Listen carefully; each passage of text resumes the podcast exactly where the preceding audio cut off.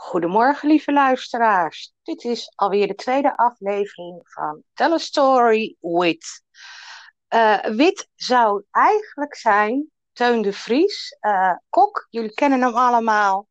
Maar die besloot uh, gisteren, eergisteren alweer, voor de tweede keer papa te worden. Dus die heeft wel wat beters te doen dan met Marieke te kletsen over storytelling.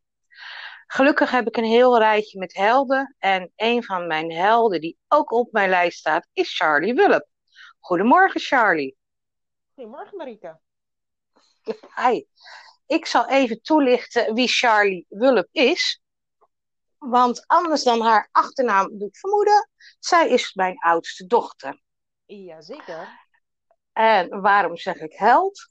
Uh, de fout wordt vaak gemaakt dat mensen denken dat Charlie in de voetsporen van haar moeder is getreden. Het is andersom.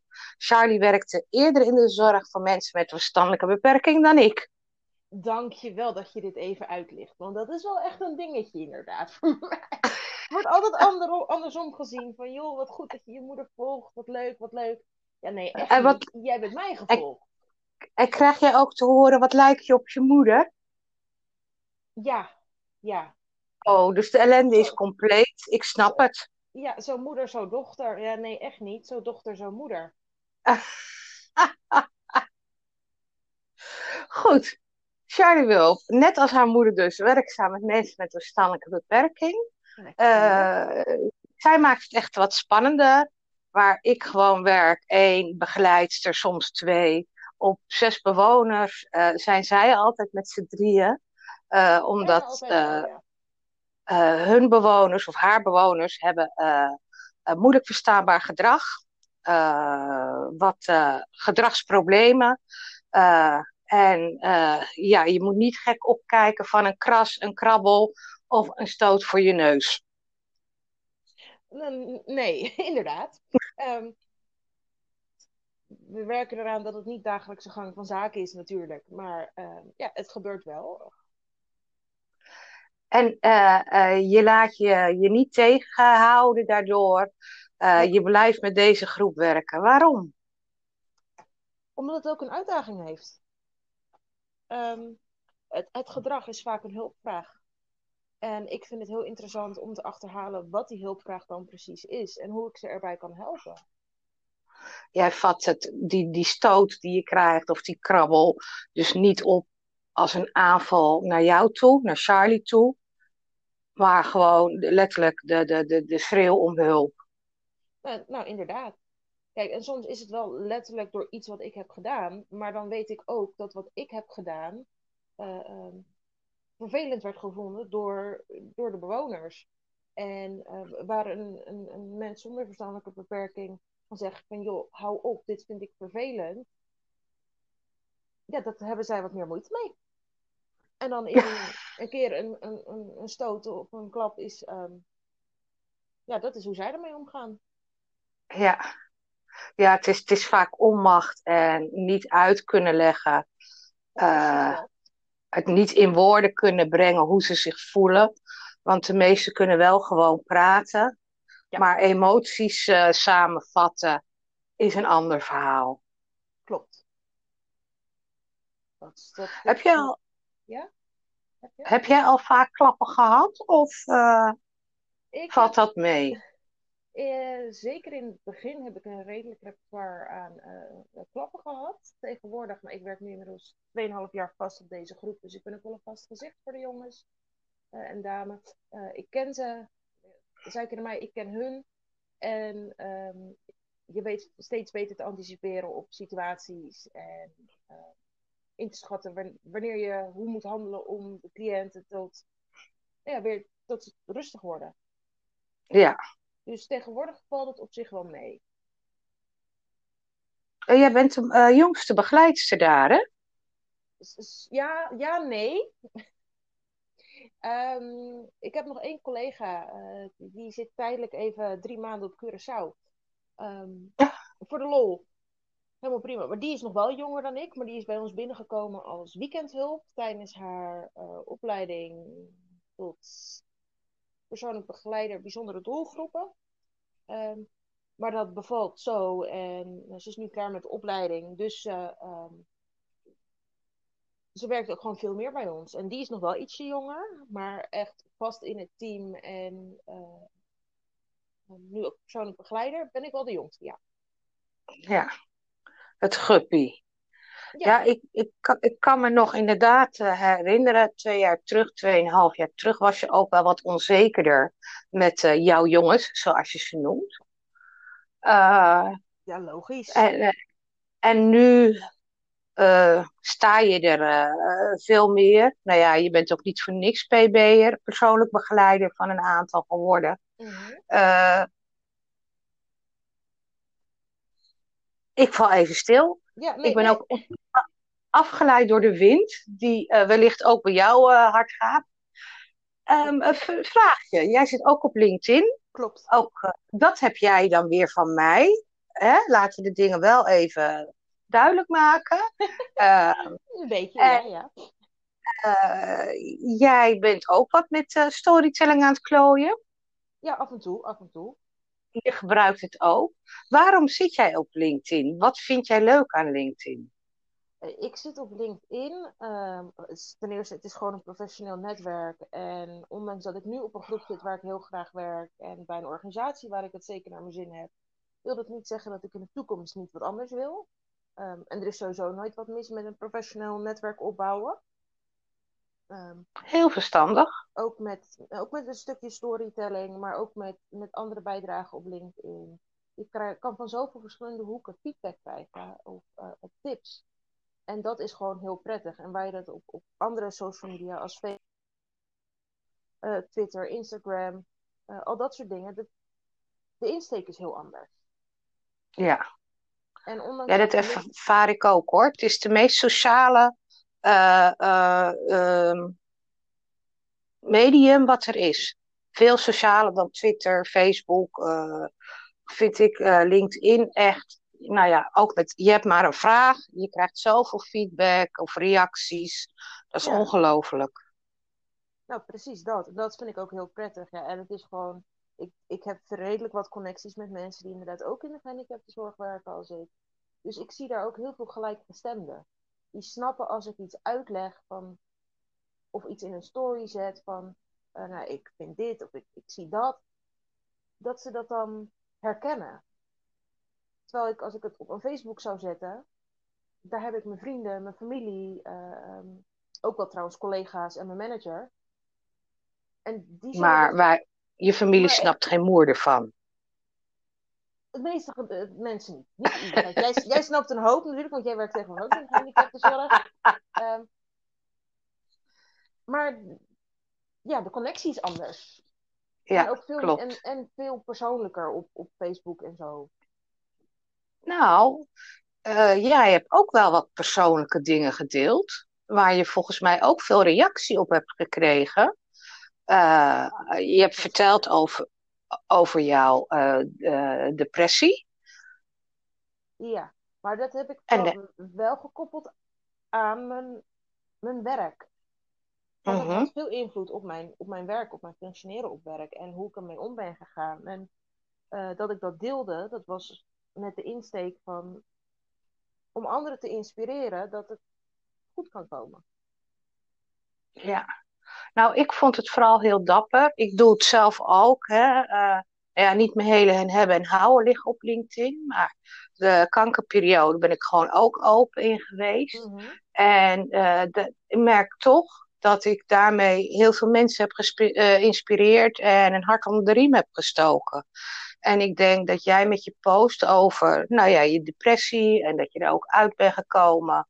En ook, je bent natuurlijk best wel jong om al een depressie te hebben gehad. Je hebt er eigenlijk meerdere gehad. Ik wou net zeggen, ik uh, dat ik eigenlijk heel lang depressief ben geweest, zonder dat ik het echt door had. Met wat flink ja. en dat ik daar nou eindelijk echt uit ben.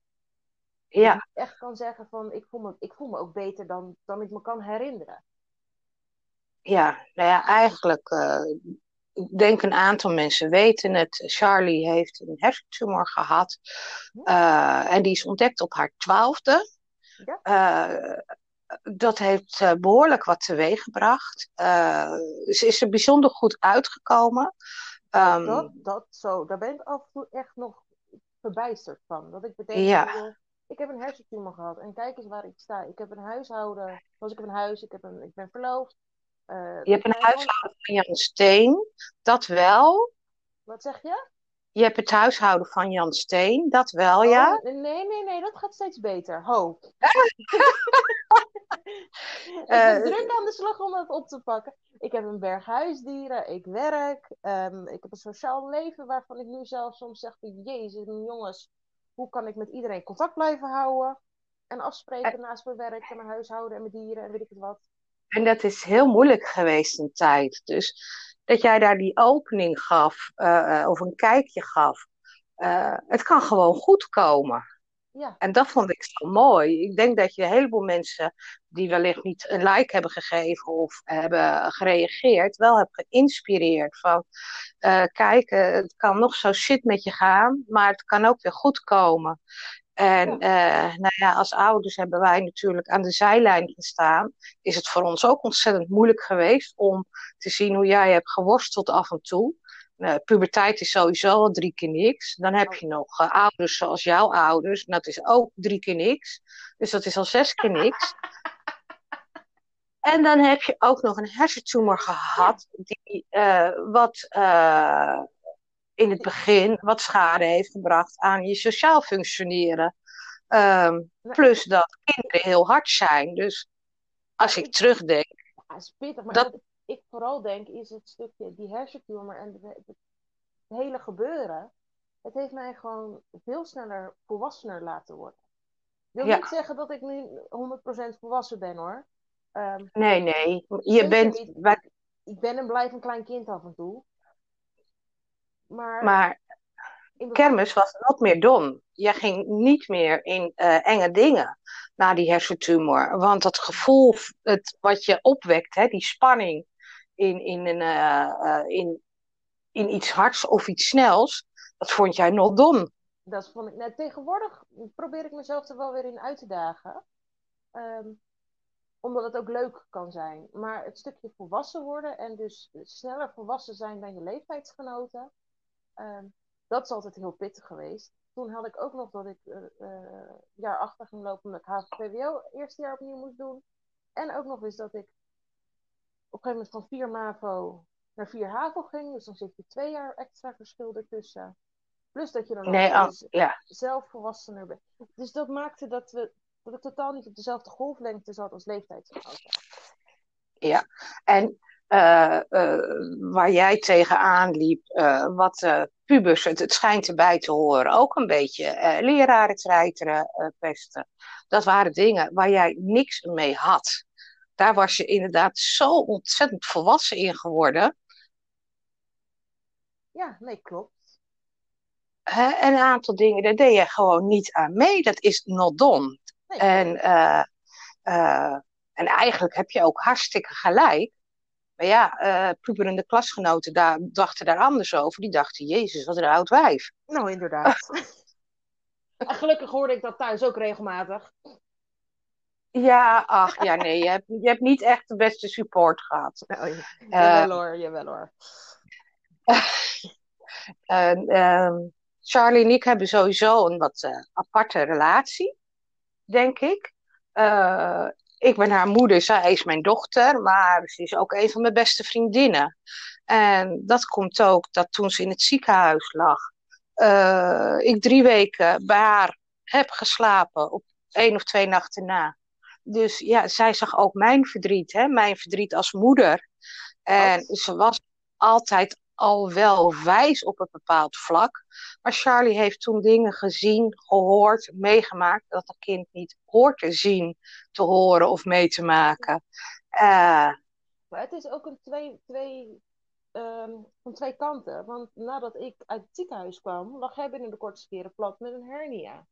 Dus ja, en ik kon niks meer. De zorgrollen rollen werden omgedraaid. Ja, ja, uh, kijk, jij kwam 1 maart uit het ziekenhuis. En 23 maart, op mijn verjaardag, kon ik niet meer lopen. Nee, dat dus is een tot... hele gezellige verjaardag. tot en met 22 maart, als we de deur uitgingen, trok ik nog de rolstoel uit de auto waar jij in ging als we wat verder gingen. En hielp ik je nog de trap af. En van de een op de andere dag kon ik niet meer. En ik kon niet eens mijn broodje, ik kon niet mijn bed uit om mijn broodje te smeren. Nee. Ik ging kruipend naar de wc. Klopt. Dus, je, uh, zat ook aan een sterke pijnstilling. Ja, jullie hebben me haai gezien. Zo, nou, die, ik weet nog die keer dat, je, dat het fout was gegaan. Dat je in het donker twee pilletjes had omgedraaid.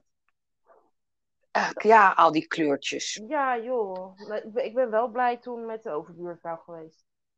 Die heeft ja, dat kan ik. Onze, onze overuurbuurvrouw is arts en uh, uh, die heeft heel veel gedaan. zeker ook in die tijd. En onze huisarts ook trouwens. Ja, maar, die, die dag zelf heeft ze ons weggestuurd en heeft ze ons pas teruggeroepen. Toen jij oh, ja. een beetje niet meer om de 5 seconden knock-out ging van de, van de medicatie. ja, ja eh, dat inderdaad. En ze heeft mijn broer toen, uh, ze kreeg uh, papa niet te pakken. En ze heeft mijn broer ingeschakeld van, ik geloof dat je even voor je zus moet zorgen, want het gaat een beetje mis. Ja. Ja, en je hebt natuurlijk nog twee keer een hernia meegemaakt met mijn reuma en, mm -hmm. en uh, uh, de eierstokkanker. En binnen het gezin ben jij ook degene die, die het best begrijpt, snapt, aanvoelt wanneer ik het moeilijk heb. Ja, ik denk dat ik ondanks dat vroeger mijn sociale voelsprieten, nou ja, ze zijn nog steeds wel een beetje verbogen. Um, maar in bepaalde dingen zitten mijn sociale voelspit wel heel juist. Ik ben heel ja. empathisch. Soms te empathisch voor mezelf, maar. Ja, klopt, want dat betekent ook dat we het soms wel erg druk hebben met empathisch zijn voor iedereen en te helpen. En dan onszelf vergeten. Ja, ja, dat zit ook een beetje in ons aard. Ja. Maar ik, wij hebben eh, wel een apart lijntje. Anderen kunnen ook wel eens denken van... Jezus, wat maakt hij een harde opmerking tegen de dochter? dochter? Of andersom. Hè, want het is, uh, het is twee kanten op. Maar uh, ja, dat is ook een beetje hoe we zijn. En de opmerkingen worden wel uit liefde gemaakt. Maar het is niet alleen hoe wij zijn. Dat is binnen het gezin zo. Want dan ja. kan ik ook naar papa en ook naar Gwen. Ja. Lekker rechts voor zijn raap. Ja, misschien wel omdat ze zoveel meegemaakt hebben. Ja, misschien ook wel. Um, um, storytelling. We kwamen van, ja, storytelling. Nou, waarom jij eh, LinkedIn zo leuk vond. En toen begon ik natuurlijk over dat ik het zo knap vond dat jij eh, wat openheid gaf in een post en daarmee mensen tot steun was. Ja. Dus jij bent gewoon ook een influencer. Ja, maar met een veel kleiner uh, netwerk hoor. Ja, komt nog wel. Komt vanzelf. Als, als ik actief zou hey. blijven, constant actief zou blijven, dan zou het wat sneller gaan. Ja. Storytelling. Jij past het ook toe? Ja, klopt. Uh, normaal lezen we uh, in deze podcast uh, posts van elkaar voor en gaan analyseren waarom de post het zo goed doet. jij had een ander voorstel. Mam, ik wil een post schrijven, maar heb er een beetje hulp bij nodig. Ja. Nou, dat gaan we doen. Kijken of ik je tips kan geven. Nou, helemaal prima. Waar wil jij het over hebben in de post? Um, nou, het, het is uh, als gevolg van uh, mijn diensten afgelopen weekend. Ik heb afgelopen weekend twee diensten gehad en daarmee met drie verschillende collega's gewerkt. En ik heb een heerlijk werkweekend gehad. Onwijs gelachen, lol gehad. Um, en en het, het punt van het verhaal, of het, het, wat ik over wil brengen, is hoe belangrijk het is om plezier te hebben met elkaar op je werk. Maar ook dat het een positieve invloed heeft, zeker als je in de zorg werkt, dat het een hele positieve invloed kan hebben op je bewoners. Want over het algemeen waren we hartstikke ontspannen bewoners. En ik weet zeker dat dat op elkaar invloed heeft. Uh, jouw bewoners zijn niet in staat om zelf alleen gezelligheid te creëren. Nee. Nee. Dus zijn ze heel erg afhankelijk van het team, van, van de begeleiding. Uh, dus dan is het ook heel belangrijk dat de begeleiding het goed met elkaar kan vinden. Ja, en, en natuurlijk in elk team heb je mensen waar je het minder goed mee kan vinden en, en heel goed mee kan vinden. Ehm, maar ik wilde dat puntje uitlichten van, joh, weet je, ik heb een gezellig weekend gehad en ik weet vrij zeker, tuurlijk, het is niet zwart op wit, het is niet altijd begeleiding gezellig, cliënten blij. Ehm, want cliënten hebben ook hun eigen eh, eh, ehm, dingen in hun hoofd, moeite met de corona, van alles. Maar ik wilde dat overbrengen en ik wist gewoon even niet hoe ik dat moest opschrijven. Hoe te beginnen überhaupt. Nou, wat is het allermooiste momentje? Wat, of een, dat je het meest gelachen hebt? Haal dat als voorbeeld aan. Wat waren jullie aan het doen? Wat werd er gezegd? Wat gebeurde er toen? Of was er een, dat bewoners op jullie reageerden omdat jullie aan het kibbelen waren Oh, of aan het geiten ja, waren? ja. Of, De- dat weet ik. Ehm, Nou, ik zat aan de tafel en een collega, die, we waren volgens mij voor de lunch aan het klaarmaken of, of, of voor de medicatie deden. Dus een collega had een kan met water. En ehm, die deed alsof hij die, ehm, wat water in mijn rug, eh, in, mijn, in de achterkant van mijn trui eh, ehm, wilde gieten. Dus ik hoorde twee andere, twee bewoners hoorde ik daarom lachen. Alleen, collega bedacht, we gaan niet eens doen alsof, we doen het echt. Nou, en toen lagen ze helemaal dubbel van het lachen. ja, en Ik had nog terug. deze collega, eh, jij had een natte rug, maar ik kan me ook voorstellen dat deze collega het niet bij alle collega's doet. Mm, mm, nee, nee, denk ik ook niet. En jij, jullie hebben dus samen, eh, nou ja, ik hoor jou al gillen. Ja, klopt. Ik weet precies hoe het klinkt. En, maar wel ook met de lach. Maar jullie hebben ook bewoners aan het lachen gekregen. Ja, Eh, en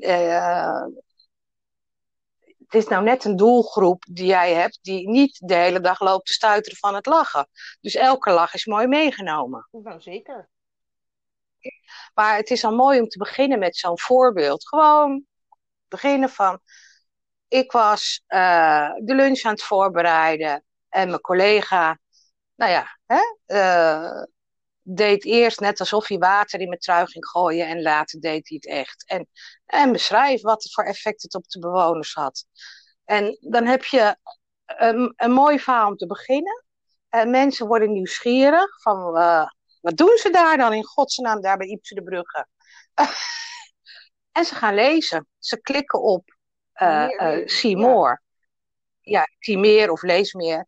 De eerste vijf regels, niet zinnen, maar regels, die zijn het belangrijkste, want dat is de voorvertoning die je ziet. Dus je hebt maar vijf regels om mensen ehm, eh, geïnteresseerd te maken of nieuwsgierig te maken. En eh, als ik het goed begrijp, wil jij ook eh, wat vertellen hè, waarom het zo belangrijk is. Dus gewoon een stukje koppelen naar de theorie. Ja, of, of in ieder geval een boodschap Je- overbrengen. Niet zozeer theorie, maar gewoon een boodschap overbrengen. Nou, je boodschap overbrengen hoe belangrijk het is om te investeren in je collega's. Eh, nou, je begint dus met dat voorbeeld, dan trek je al eh, eh, de aandacht. Want LinkedIn, of de mensen op LinkedIn, houden heel erg van verhalen. Ja. En verhalen verbindt ook. Hè? Verhalen luisteren zorgt voor herkenning, het zorgt voor verbinding. Dus die, die eerste vijf regels zijn de belangrijkste van de hele post. Nou, dat, dat zit ik dus ook. En ik wist gewoon niet hoe ik moest beginnen. En als ik denk, als ik geen goed begin heb, dan kan ik het net zo goed niet schrijven, want dan wordt het toch amper gelezen. Ja, maar je hebt eigenlijk een prachtig voorbeeld. Ja, dat, dat dacht ik dus ook. En ook, eh, nou, hoe heerlijk het is dat ook al heb jij het weekend gewerkt, hè, want sommige mensen hebben liever een andere invulling van het weekend, eh, dat je toch gewoon een leuk weekend hebt gehad, omdat je lekker hebt gewerkt, prettig hebt gewerkt en het effect op de bewoners had, waardoor je dienst ook relaxter werd. Ja, Want het is gewoon ook een cirkeltje. nee, absoluut. Nee, maar absoluut. Ehm, er zijn collega's waar ik minder prettig mee werk. En ehm, niet dat ze het niet goed doen, of, of, maar we, we, we klikken minder. We, we, we zitten gewoon niet helemaal Ja. op dezelfde golflengte. En ik merk dat vaak wat meer aan de cliënten.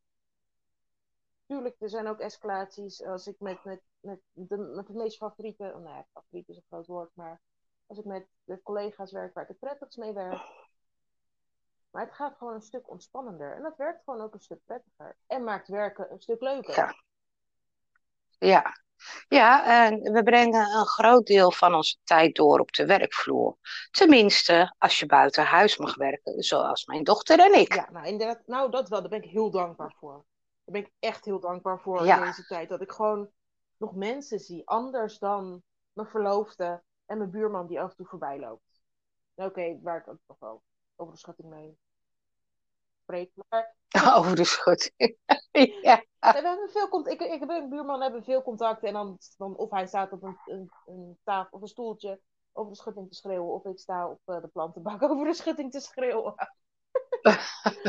maar dat we gewoon echt nog mensen zien. En dat, dat heeft denk ik gemaakt dat ik deze coronaperiode... Tuurlijk, ik vind het vervelend dat die winkels dicht zijn.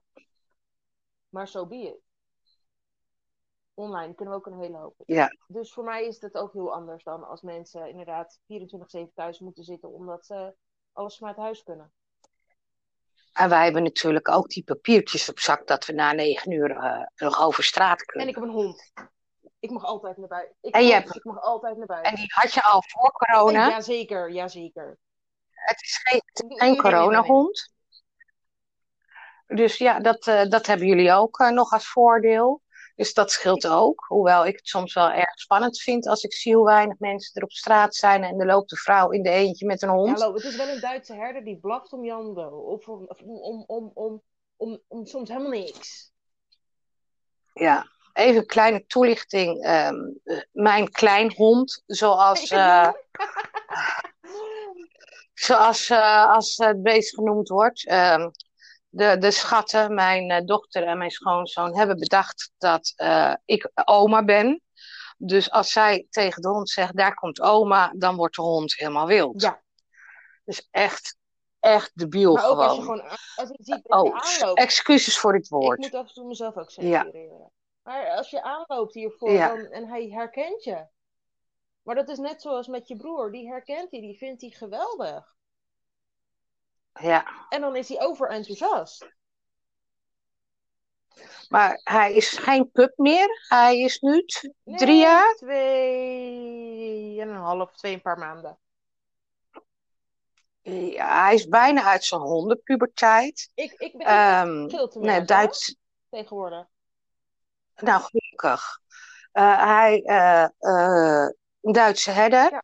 Ja. met een grote papa die hij uh, inmiddels uh, na kan kijken.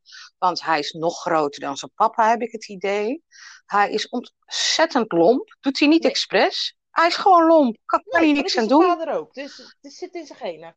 Ja, hij, hij snapt niet dat je staart, dat hij daarmee gewoon het hele huis omver zwapt. En uh, aan de ene kant is de hond uh, erg intelligent.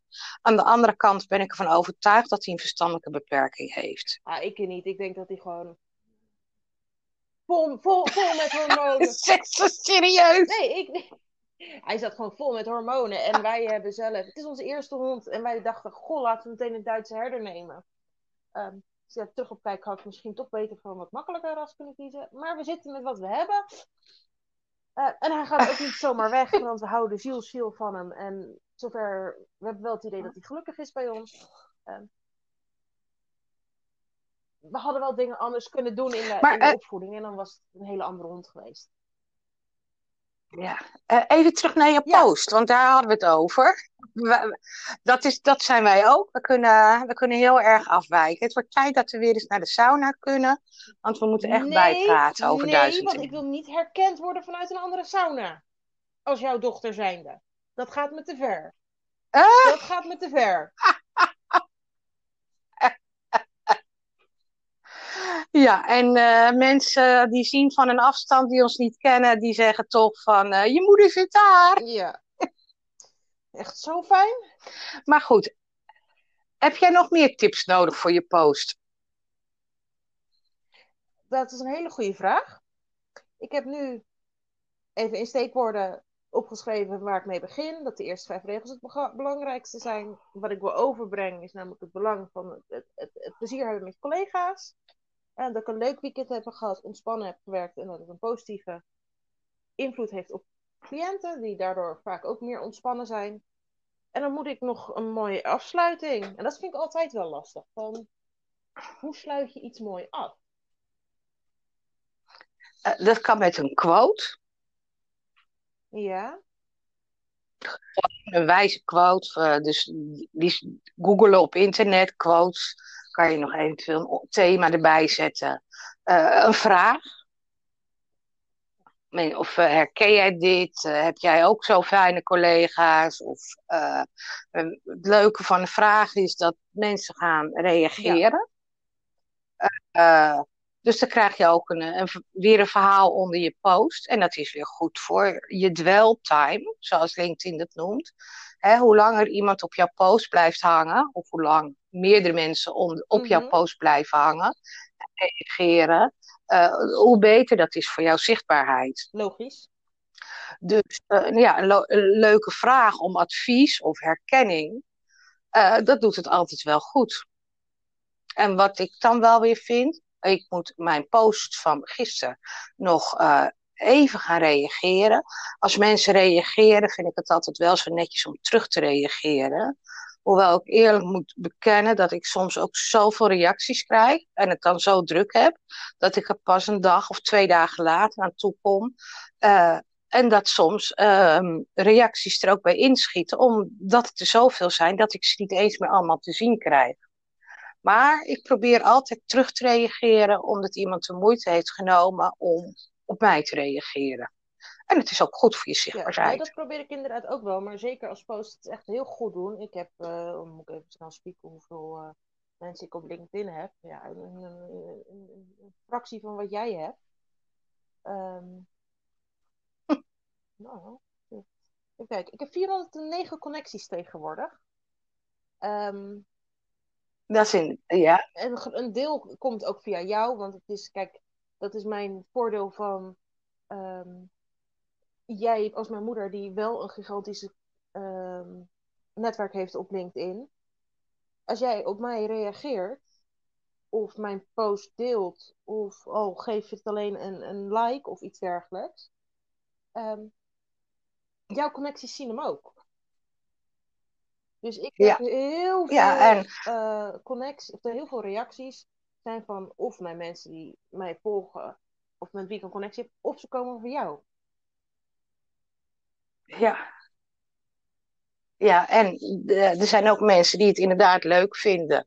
Hè? Die volgen mij of zijn geconnect met mij. En uh, omdat jij mijn dochter bent, vinden ze het leuk om jou te volgen. En natuurlijk ook. Ik heb ook connecties uit de zorg die het leuk vinden. En Charlie is veel hoger opgeleid wat betreft de zorg dan ik. Dus eigenlijk weet zij veel meer. Ja, dat zeggen we wel.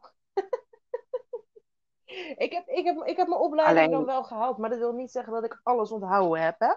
Want het is echt nog een hoop kennis. het is echt een hele hoop. ik ben, ik... Joh, van mijn... Hm? Uh, mijn opleiding was uh, eh, 30 jaar geleden. Uh, toen hadden ze nog slaapzalen, geloof ik. Hadden ze nog helemaal geen privékamers. Oké, daar heb je een punt. Mijn opleiding is wel. Uh... Maar ik moet ook zeggen, ik, ik, ik heb heel veel kennis. En er zijn heel veel dingen waarvan ik denk: van, oh ja, maar dat begrip dat herken ik en dat ken ik en dat kan ik makkelijk plaatsen. Maar om te zeggen, vraag aan mij om uitleg te geven over eh, de, een aandoening, dat, dat lukt niet op dit moment. Maar als ik nu ergens in zou verdiepen nee. voor iets, dan onthoud ik het wel weer. Maar ja, studie is toch anders. Dan prop je alles in je hoofd. Ja, en jij bent net zoals ik iemand die heel erg vanuit haar hart werkt. Uh, en vanuit intuïtie ja, werkt. die zit vaak wel goed. Ja. Alleen het duurt soms even voordat collega's erachter komen. Als je, of, of mensen erachter komen dat je intuïtie wel goed zit. Dat is soms lastig. Maar het werkt vaak het beste. Soms kan ik heel kort door, door de bocht reageren. En dan merk ik dat een collega me vragend aankijkt. En dan uh, tien minuten later Oh, nou snap ik waarom je dat zo deed. Ja. Hey, het, ehm, eh, ik wil eh, dat mijn eh, podcast eh, niet te lang duren. Hè? Ehm, het moet in de tussen de middagwandelingen passen, bij wijze van spreken. Dus ik wil eh, richting afsluiting gaan. Jij gaat de poot Ja. schrijven, dus eh, we gaan bij je kijken. Eh, dan moet je kijken bij Charlie Wulp. En eh, zoals alles vreemd is, is ook de naam van ons kind vreemd. Je spelt het S-J-A-R-L-I-E. Goed gezegd. En dan Wulp, ja, Wulp zoals de vogel. Ehm, ze is trouwens geboren met de naam Yvonne Charlotte. Ehm, die is ze ooit geprobeerd te gebruiken, maar ze ging zelf de fout ook weer in. Dus het is nog steeds Char, Chartje of eh, Charlie. Verder komen we niet. Maar het is wel Oh, een unieke naam. Laatste vraag. Wie vind jij eh, iemand op LinkedIn waarvan je zegt, die moet je volgen? Ehm, nou, iemand waarvan ik de verhalen altijd heel graag lees is eh, Lenny Wezenbeek. Zij werkt net zoals ik in de gehandicaptenzorg, een wel veel lager niveau Ja. dan wat ik werk. Ehm, maar ik vind haar stories vind ik altijd heel leuk om te lezen. Een stukje herkenning, ehm, maar ook mooi hoe zij dingen soms oppakt en ermee omgaat. Ja. En puur, Ja. zo puur. Nou, jij kent haar dus ook. Waarschijnlijk is het een van de connecties die, we via, die ik via jou heb opgebouwd. Ehm, Ja. Lenny is overgelopen van mij naar ja, jou. goed hè. Nee, maar dit, Lenny Wezenbeek, mensen, ga er volgen. Deelt ook prachtige verhalen uit, uit de zorg. Eh, inderdaad, een ander niveau. Die eh, activiteiten lukken ook soms niet. En eh, dat ligt niet aan Lenny de begeleidster, maar hoe een bewoner die dag in zijn velletje zit. En eh, ja, dat brengt Lenny wel eens eh, met haar handen in het haar, volgens Ja. mij. maar zeker een aanrader om te lezen. Ja, en, leuk. ehm, volgens mij zit, zij op dagbesteding. Ja, Ja. dat is wel een verschil. Ik, wij, wij, wij doen vooral wonen natuurlijk. Wij werken vooral woongroepen. Ja. Maar ik vind er zeker Ja, een klopt. aanrader om te volgen en om haar verhalen te lezen. Charlie, Ja? we gaan afsluiten. Ik vond het hartstikke leuk. Nou ja, we hebben toch wel contact, maar ik vond het ook wel leuk om eh, jou voor te stellen aan mijn LinkedIn-familie. Dankjewel. Dankjewel dat ik zijn. Eh, ja, eh, jammer dat Teun eh, niet kon, maar begrijpelijk dat hij eh, met zijn kind bezig gaat. Aan de andere kant, anders was je over twee maanden aan de beurt geweest. Want je blijft een van mijn helden. Vooral ook om hoe jij in het leven staat en hoe jij jezelf uit slechte periodes geknokt hebt. Dus ja, jij bent toch ook een voorbeeld voor mij. Dankjewel. Mensen, ik zou zeggen, ga Leni Wezenbeek volgen, ga Charlie Wulp volgen en hou Charlie eh, even in de gaten. Dan gaan we kijken wat ze van de post gebrouwen heeft. Inderdaad. Hij staat Ik, goed, als eh, het goed is tegelijk online met, eh, met deze podcast. Oké, ik ben benieuwd. Ik ga je straks zien. Tot over twee weken, dan ben ik er weer en dan is Heidi Schuring mijn gast. Goedemiddag is het bij Nee, ons inmiddels. Nee, nog niet. Ik, eh, goedendag zeg ik dan. Doei. Tot ziens.